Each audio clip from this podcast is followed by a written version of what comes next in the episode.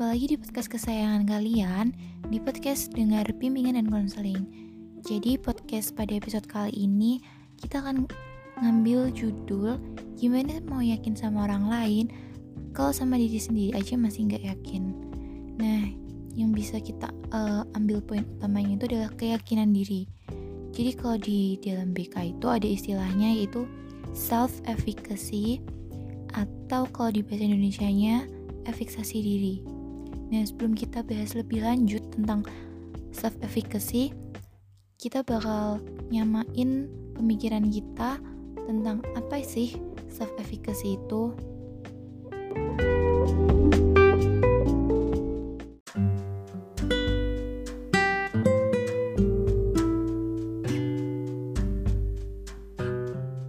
Oke, okay, untuk yang pertama kita akan ngebahas tentang apa sih uh, pengertian dari self efficacy itu?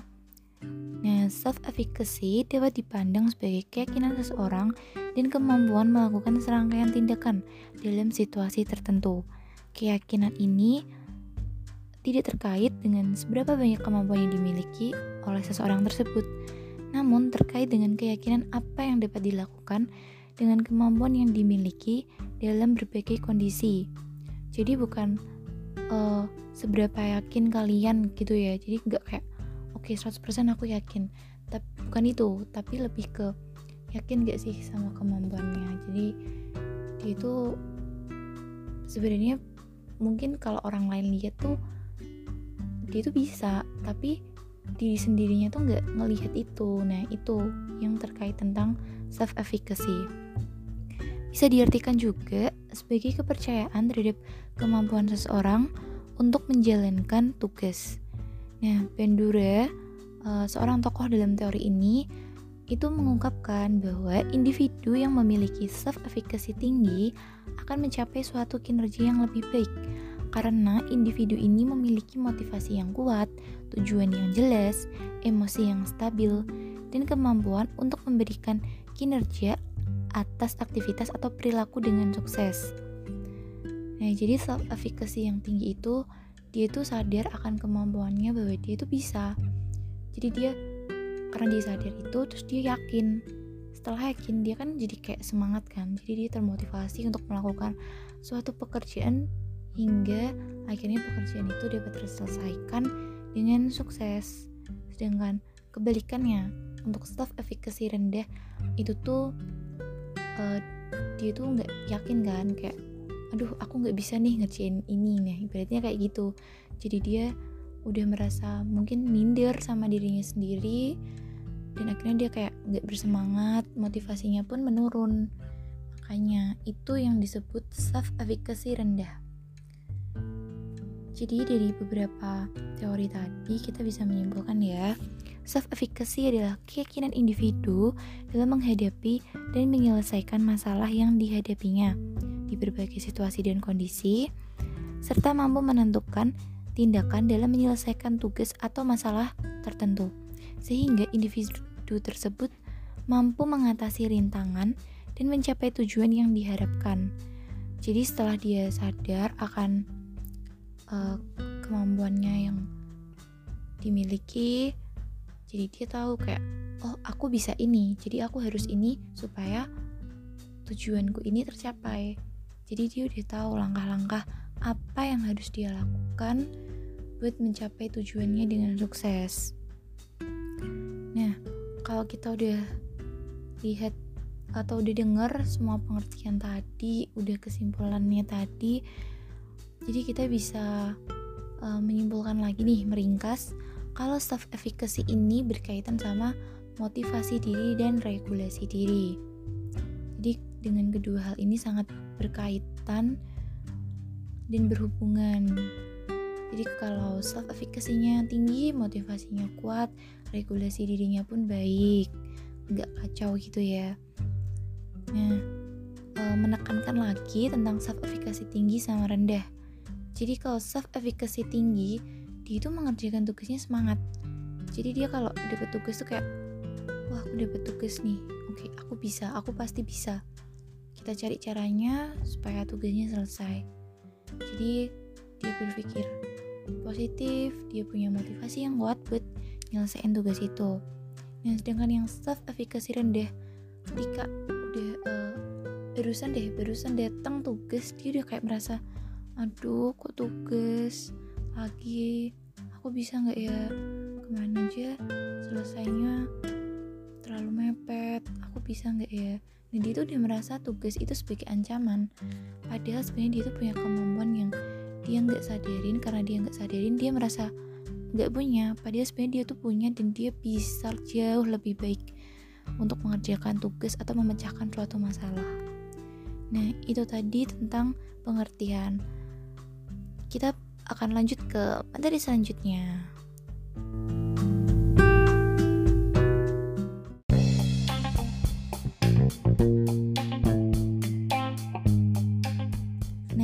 jadi setelah dengar tentang materi pengertian kita jadi ada gambaran ya kayak oh ternyata self efficacy itu ini. Pernah sih denger tapi nggak tahu artinya. Nah sekarang kalian udah denger kalian pasti udah tahu artinya. Jadi jangan salah persepsi. Dan kalau ditanya orang lain tuh kita juga bisa membantu menjelaskan. Jadi saling berbagi informasi. Untuk yang kedua kita akan bahas tentang apa sih faktor-faktor yang mempengaruhi self efficacy ini. Nah, di sini saya mengambil dari pendapatnya seorang tokoh masih yang sama yaitu Bandura pada tahun 1997. Jadi dia menyatakan bahwa ada beberapa faktor yang dapat mempengaruhi self efficacy pada diri individu. Yang pertama, itu ada faktor budaya. Budaya mempengaruhi self-efficacy melalui nilai, kepercayaan, proses regulasi diri yang berfungsi sebagai sumber penilaian self-efficacy dan juga sebagai konsekuensi dari keyakinan akan self-efficacy. Untuk faktor yang kedua, yaitu gender. Perbedaan gender juga berpengaruh terhadap self-efficacy. Hal ini dapat kita lihat dari penelitiannya Bandura. Dia menyatakan bahwa wanita lebih efikasinya yang tinggi dalam mengelola perannya. Karena wanita memiliki peran selain sebagai ibu rumah tangga, dia juga berperan sebagai wanita karir yang akan memiliki self efficacy yang tinggi dibandingkan dengan pria yang bekerja.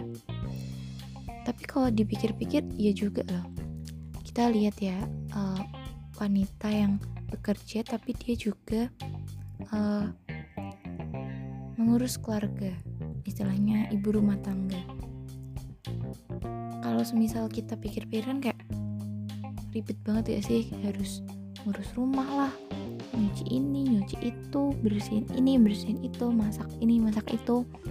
Belum lagi harus kerja sebagai tanggung jawab karena udah komitmen jadi karena alasan itu, wanita itu punya self efficacy yang tinggi. Tapi perlu ditekankan lagi bahwa ini tidak berlaku untuk semua wanita. Karena ada wanita yang dia nggak bisa kalau harus bekerja tapi juga ngurus rumah. Harus salah satunya. Itu ada.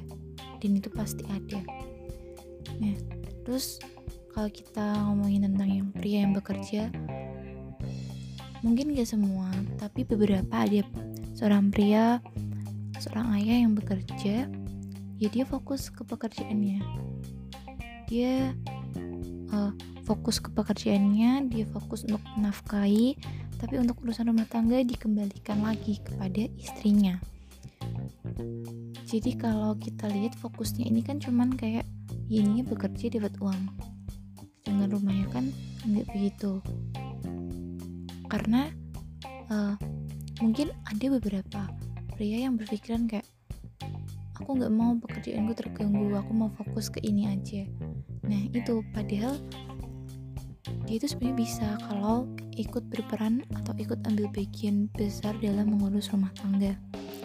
Tapi dia karena di awal tuh dia nggak yakin aja sama dirinya sendiri. Jadi self effikasinya tuh lebih rendah. Sedangkan kalau wanita uh, yang bekerja tapi juga ngurus rumah tangga dia kan kayak mikir ya kayak aku bisa kok aku bisa bekerja sambil ngurus rumah tangga.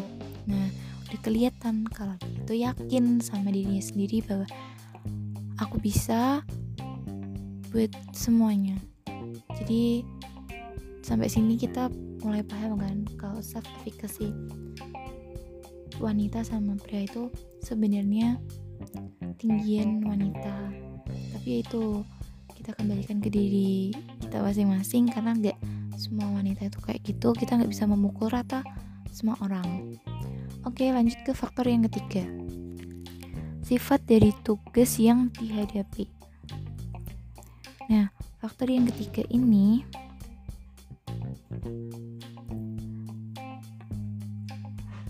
membahas tentang derajat dari kompleksitas dari kesulitan tugas yang dihadapi oleh individu akan mempengaruhi penilaian individu terhadap kemampuan dirinya sendiri. Semakin kompleks tugas yang dihadapi oleh individu tersebut, maka akan semakin rendah individu tersebut menilai kemampuannya. Sebaliknya, jika individu dihadapkan pada tugas yang mudah dan sederhana, maka akan semakin tinggi individu tersebut menilai kemampuannya. Nah, gimana sih kak? Gak paham. Oke, jadi ini tuh maksudnya ketika si individu ini dapat tugas, dia kan lihat dulu kan, sebelum mengerjakan dia kan lihat, oh ini, oh, ini gampang nih, aku bisa. Nah, udah muncul keyakinan diri bahwa dia pasti bisa jadi self efficacy-nya menjadi tinggi karena motivasi untuk mengerjakannya pun menjadi tinggi. Sedangkan uh, yang self efficacy-nya rendah itu ketika dia melihat tugas, aduh kok ini banyak banget ya, kok ini kayaknya ribet banget ya. Padahal kita kan belum ibaratnya belum masuk nih, belum masuk banget ke tugas itu. Tapi kita udah menilai bahwa tugas itu tuh susah. Kitanya tuh gak bisa ngerjain itu nah kan jadi self efficacy-nya rendah jadi faktor tugas yang dihadapi itu sangat berpengaruh juga ya. Untuk yang keempat ada intensif eksternal. Nah gimana tuh? Jadi faktor lain yang dapat mempengaruhi self efficacy individu adalah insentif yang diperolehnya. Bandura menyatakan bahwa salah satu faktor yang dapat meningkatkan self-efficacy adalah competent continuous incentive, yaitu insentif yang diberikan orang lain yang merefleksikan keberhasilan seseorang. Untuk faktor yang selanjutnya, faktor yang kelima, status atau peran individu dalam lingkungan. Jadi individu yang memiliki status yang lebih tinggi akan memperoleh derajat kontrol yang lebih besar sehingga self efficacy yang dimilikinya juga tinggi. Sedangkan individu yang memiliki status lebih rendah akan memiliki kontrol yang lebih kecil, sehingga self efficacy yang dimilikinya pun rendah. Nah, ini aku ambil contoh dari tingkatan pekerjaan. Pekerjaan itu kan biasanya ada bos dan ada staff. Nah, bos itu uh, seharusnya kan kayak dia tahu nih pekerjaannya staff A, B, C, D, E, F, sampai Z. Meskipun dia tidak mengerjakan, setidaknya dia paham dan dia tahu apa yang dilakukan staff A, apa yang dilakukan staff B. Jadi dia itu paham. Nah, dengan begitu, setiap kali ada permasalahan, dia itu akan yakin kalau dia bisa memecahkan karena dia udah tahu, udah tahu apa ya, udah tahu kita di staff A, B, C, D, F, G nya itu jadi dia udah ada bekal dia yakin jadi dia merasa bisa makanya self efficacy-nya menjadi lebih tinggi. Sedangkan yang staff tadi jadi kan staff A dia mungkin bekerjanya cuma di bagian A. Staff yang ini cuma di bagian B. Dia nggak ngurusin uh, kelompok A B C D. Itu enggak dia cuma ngurusin kelompoknya dia. Nah ketika dia dihadapkan dengan permasalahan yang ada urusannya dengan kelompok A dia kan nggak dia kan merasa nggak paham. Dia merasa nggak nggak belajar atau memahami tentang kelompok lain. Jadi dia kayak aduh aku nggak bisa deh kayaknya karena aku nggak tahu. Nah jadi mungkin kalau dia memahami atau berusaha mengerti tugas-tugas kelompok lain dia akan yakin. Tapi kan dia cuma udah fokus ke satu kelompok aja di kelompoknya dia di pekerjaannya dia di teman-teman staffnya dia jadinya dia cuma yakin di pekerja di bagiannya itu. Dia nggak yakin di bagian lain. Makanya self efficacy-nya rendah. Jadi status itu juga bisa mempengaruhi self efficacy kita ya. Oke okay, faktor yang terakhir. Informasi tentang kemampuan diri. Individu yang memiliki self-efficacy tinggi jika ia memperoleh informasi positif mengenai dirinya, sementara individu yang memiliki self-efficacy rendah jika ia memperoleh informasi negatif mengenai dirinya. Hmm, kita ambil contoh ya. Jadi misal ada orang nih muji kita, wah si A baik ya, si A pinter ya, si A cantik ya, si A ganteng ya, si A bisa multi talent lah nah, jadi si A ini kan merasa kayak wah ternyata aku segitunya ya oke buat ke depannya aku akan lebih bagus deh daripada ini. Aku berarti bisa dong ngerjain ini. Orang lain aja nganggep aku bisa loh. Masa aku nggak yakin? Nah dia kan jadi kayak self karena dia menyadari itu jadi self efficacy dia bisa tinggi. Nah, sedangkan orang yang uh, sering diomongin hal negatif gitu ya, misalnya kayak, ternyata si A tuh kayak gini ya, nggak nyangka lo dia ternyata kayak gini. Nah kan yang denger pun kan kayak, aduh, aku emang kayak gitu ya. Tuh kalau aku ngelakuin ini nanti ditegur lagi nggak ya? Diomongin lagi nggak ya? Nah, dia kan jadi ragu untuk melangkah ke depan uh, misalkan dia awalnya tuh yakin dia bisa tapi karena omongan dari orang lain itu jadi dia merasa minder takut mau gerak tuh kayak dikekang tanpa sadar gitu tanpa sadar dia tuh dikekang jadi self efficacy-nya dia menjadi rendah Nah, itu tadi ke enam faktor yang mempengaruhi self efficacy pada diri kita sendiri. Oke, sekarang lanjut ke materi selanjutnya.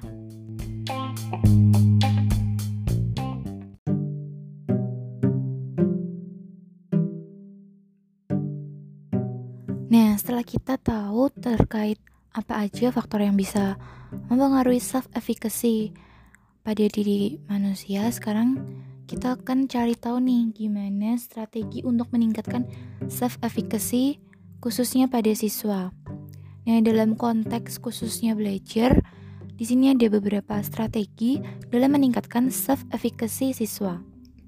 Yang pertama ada modeling, mengacu pada proses menunjukkan dan menjelaskan dalam menguasai keterampilan baru untuk pemula.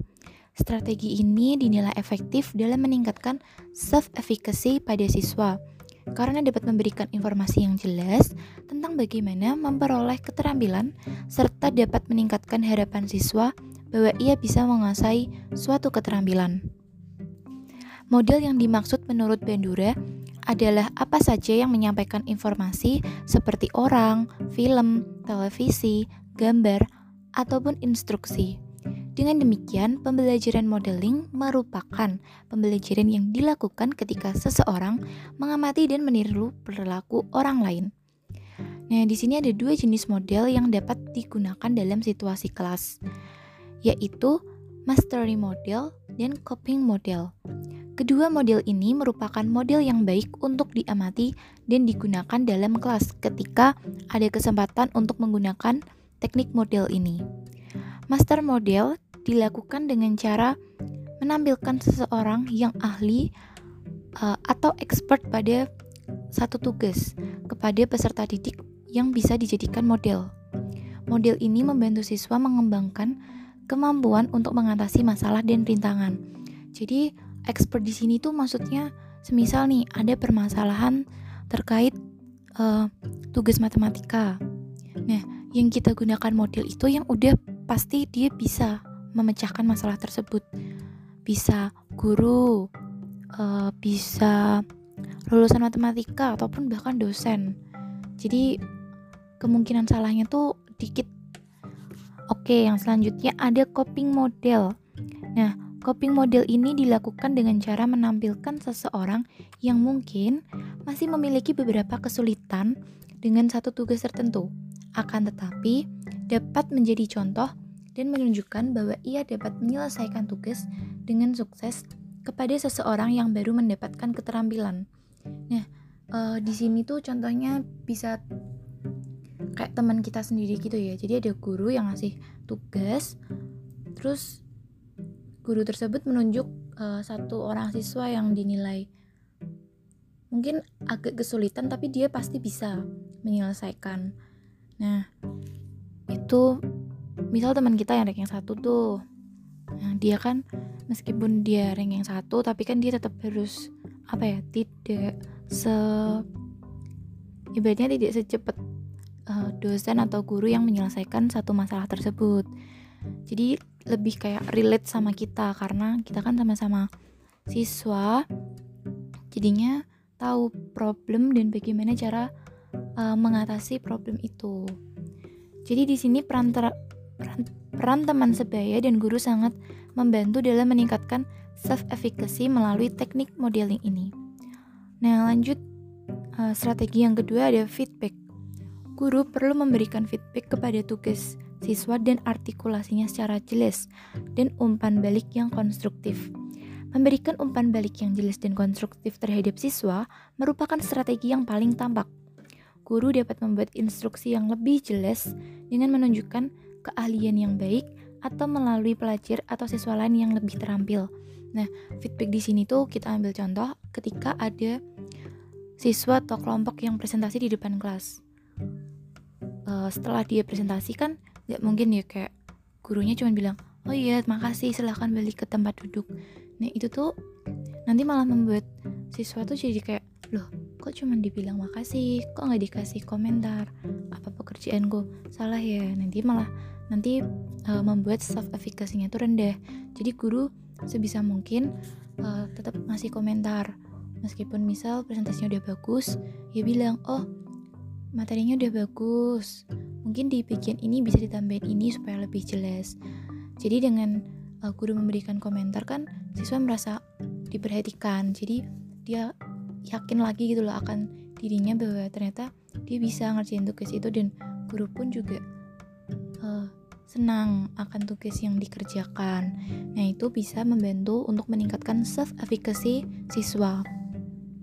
Yang ketiga ada goal setting. Goal setting dilakukan dengan cara menetapkan tujuan secara proksimal. Tujuan proksimal adalah tujuan dengan satu cara yang mudah dicapai, tapi masih tetap menantang. Beberapa metode yang dapat digunakan dalam penggunaan soal setting adalah sebagai berikut. Yang pertama, mendiskusikan dengan siswa tentang pentingnya refleksi diri dan peran bermain dalam pembelajaran regulasi diri. Kedua, meningkatkan pengetahuan diri siswa atau mendukung mendokumentasikan strategi belajar yang telah dilaksanakan. Tujuan ini untuk memonitoring strategi pembelajaran siswa. Yang ketiga, menggunakan monitoring checklist dalam memantau proses belajar yang membantu untuk mencapai tujuan. Nah, jadi tujuan yang proksimal tuh mungkin gini ya, misal dia itu nggak suka baca, dia nggak suka baca, literasinya rendah. Nah, sebenarnya kan uh, untuk mengatasi hal tersebut gampang ya kayak pelan-pelan kita uh, belajar membaca misal sehari 5 atau satu bab kayak gitu kan. Nah untuk beberapa orang mungkin tujuan itu tuh kayak menantang banget karena dia emang jarang banget baca dan gak suka baca. Tapi tetap ada cara untuk bisa mewujudkan tujuan itu semua. Nah itu uh, merupakan contoh sederhana dari tujuan yang proksimal. Uh, selanjutnya, untuk strategi yang keempat, yaitu reward. Memberikan penghargaan kepada siswa merupakan metode lain dalam meningkatkan self efficacy. Bentuk dari penghargaan ini dapat berupa siswa berbagi pengalaman atau pengetahuan dengan teman-teman sebagai bentuk apresiasi. Bentuk lain dari penghargaan adalah memberikan pujian atau tugas yang menyenangkan di kelas. Hadiah atau penghargaan yang terbaik digunakan secara kelompok, bukan secara individual. Menghargai siswa sebagai suatu kelompok akan membantu untuk memastikan suasana yang lebih kooperatif. Dan yang penting adalah teman sebaya berperan sebagai model yang efektif. Kemudian untuk strategi yang kelima, yaitu assessment self-efficacy. Merupakan hal yang penting bagi guru atau pendidik untuk menilai self-efficacy siswa di awal pembelajaran dengan memberikan instrumen mengenai self-efficacy Informasi ini akan memungkinkan guru untuk memberikan strategi pembelajaran apa yang tepat bagi para siswa. Jadi Bandura berpendapat jika self-efficacy ini tidak tumbuh dengan sendirinya, namun terbentuk dalam hubungan segitiga antara karakteristik pribadi, pola perilaku, dan faktor lingkungan. Jadi kelima strategi ini bisa digunakan atau diterapkan untuk meningkatkan self-efficacy. Karena setuju nih kalau semisal self efficacy itu enggak uh, tumbuh dengan sendirinya dia tetap harus dibentuk dengan beberapa cara dan kita harus uh, menerapkan uh, mungkin kalau nggak bisa kelimanya ya beberapa untuk meningkatkan self efficacy kita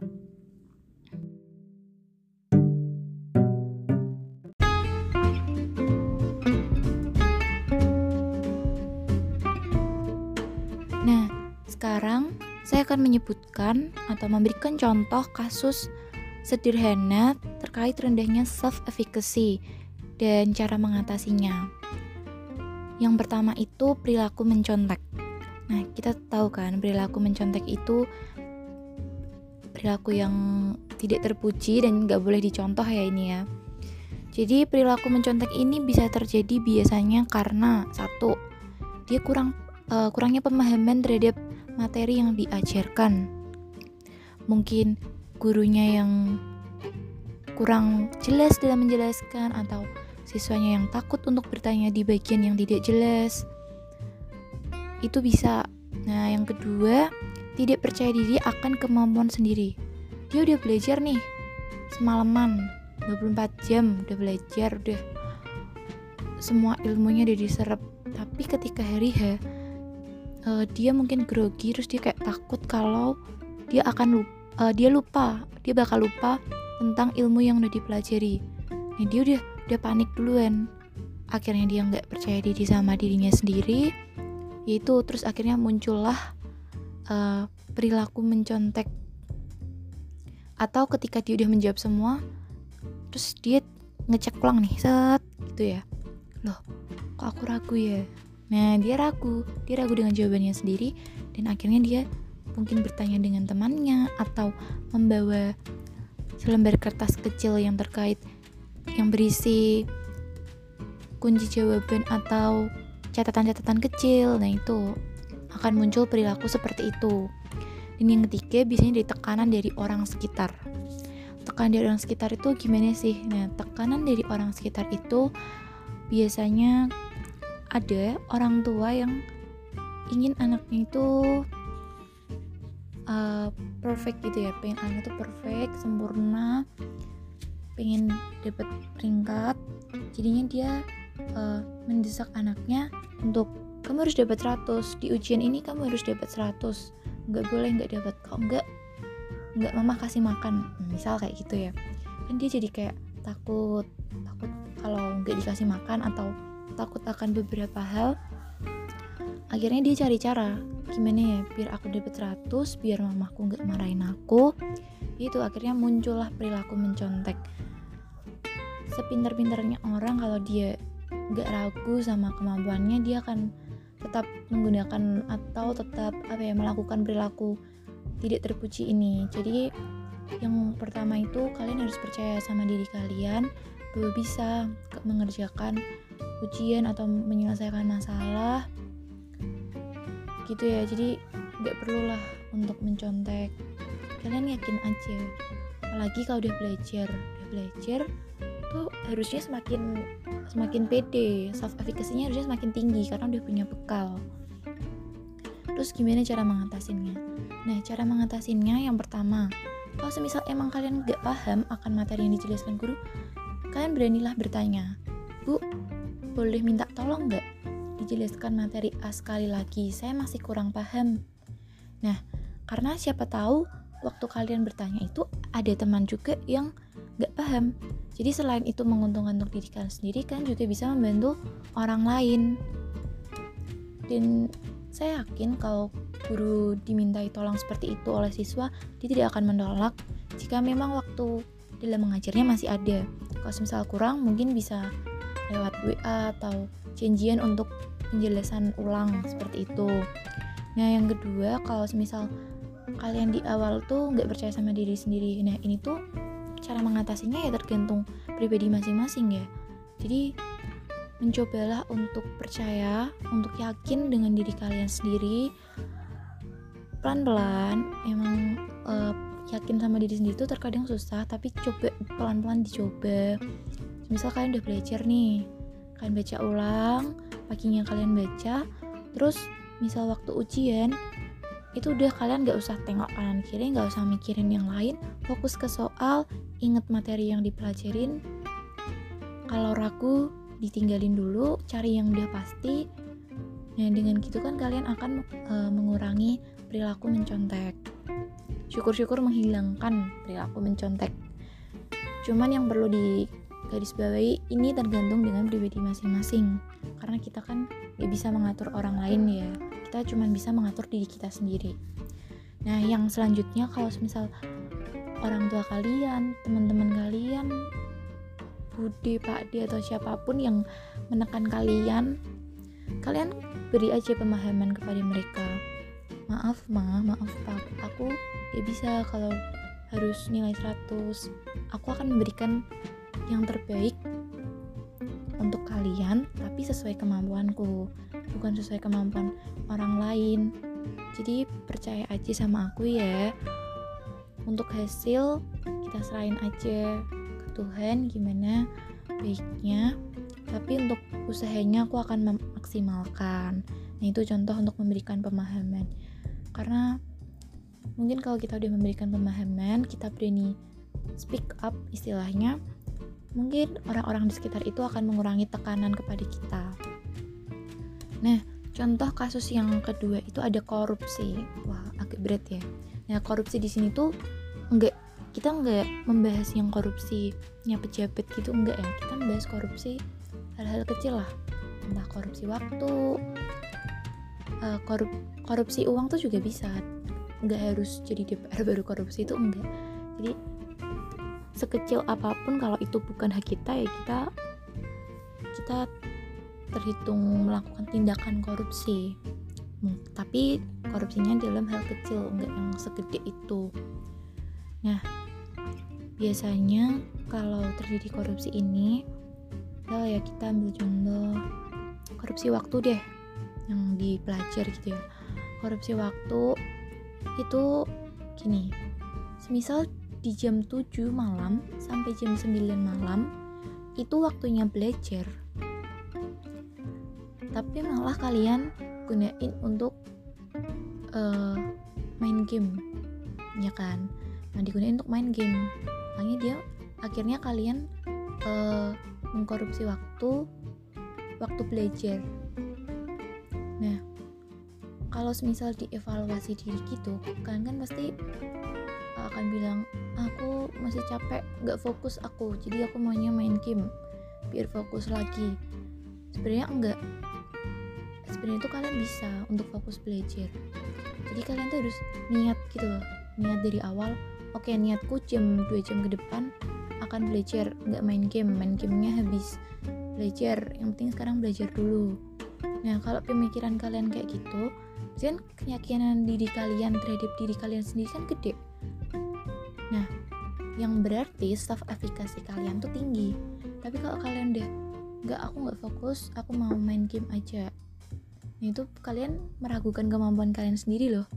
Itu adalah self efikasi yang rendah. Jadi kurang-kurangin ya kayak gitu.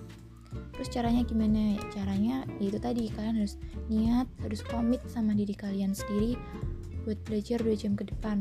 Gak boleh buka game gak boleh buka hal-hal yang di luar uh, pembelajaran atau di luar hal yang terkait tentang belajar gitu ya. Terus ini aku mau ngasih contoh di kalangan masyarakat. SEM orang yang mau berhenti merokok.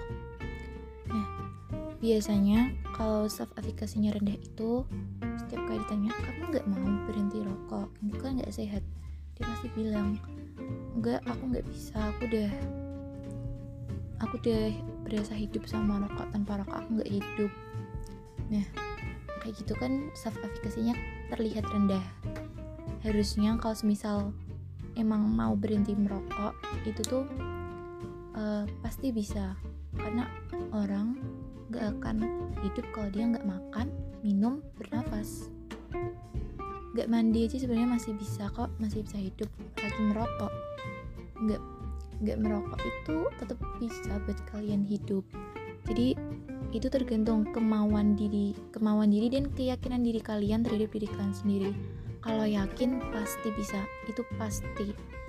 Tapi kalau kalian di awal dia udah ragu-ragu atau nggak yakin yaitu self efficacy rendah tujuannya pun jadi nggak berjalan dengan sukses